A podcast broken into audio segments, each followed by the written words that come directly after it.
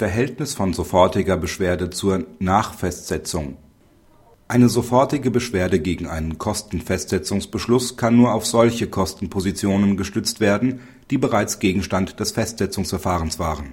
Kosten, die nicht Gegenstand des Festsetzungsverfahrens waren, können allenfalls im Rahmen einer Anschlussbeschwerde verfolgt werden.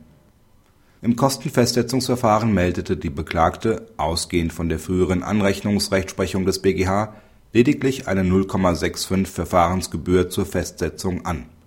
Gegen den daraufhin antragsgemäß ergangenen Kostenfestsetzungsbeschluss hat sie sofortige Beschwerde eingelegt und diese darauf gestützt, dass eine 1,3 Verfahrensgebühr festzusetzen sei. Das OLG hat die Beschwerde zurückgewiesen. Die dagegen erhobene zugelassene Rechtsbeschwerde hatte keinen Erfolg.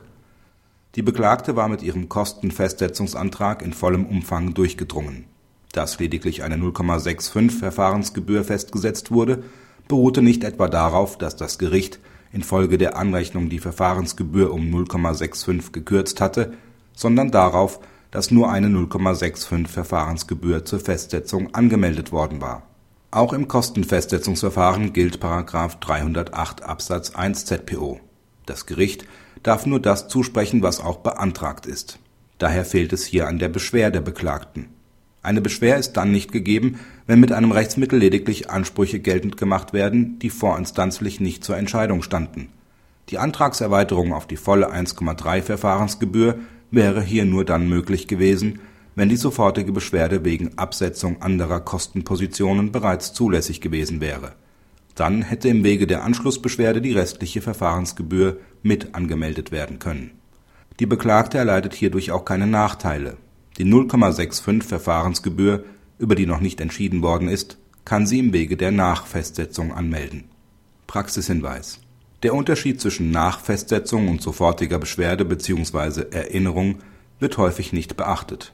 Im Kostenfestsetzungsverfahren wird nur über die angemeldeten Kostenpositionen entschieden. Daher kommt die sofortige Beschwerde bzw. die Erinnerung nur in Betracht, wenn angemeldete Kosten abgesetzt worden sind hat es dagegen eine Partei übersehen, bestimmte Kostenpositionen anzumelden, so muss sie diese im Wege der Nachfestsetzung verfolgen.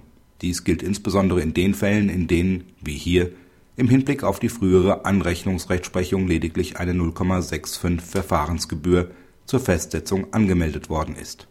Wie der BGH bereits entschieden hat, kommt insoweit die Festsetzung der restlichen Verfahrensgebühr in Betracht, wenn im vorangegangenen Kostenfestsetzungsverfahren lediglich der um die Anrechnung verminderte Teil der Verfahrensgebühr zur Festsetzung angemeldet worden war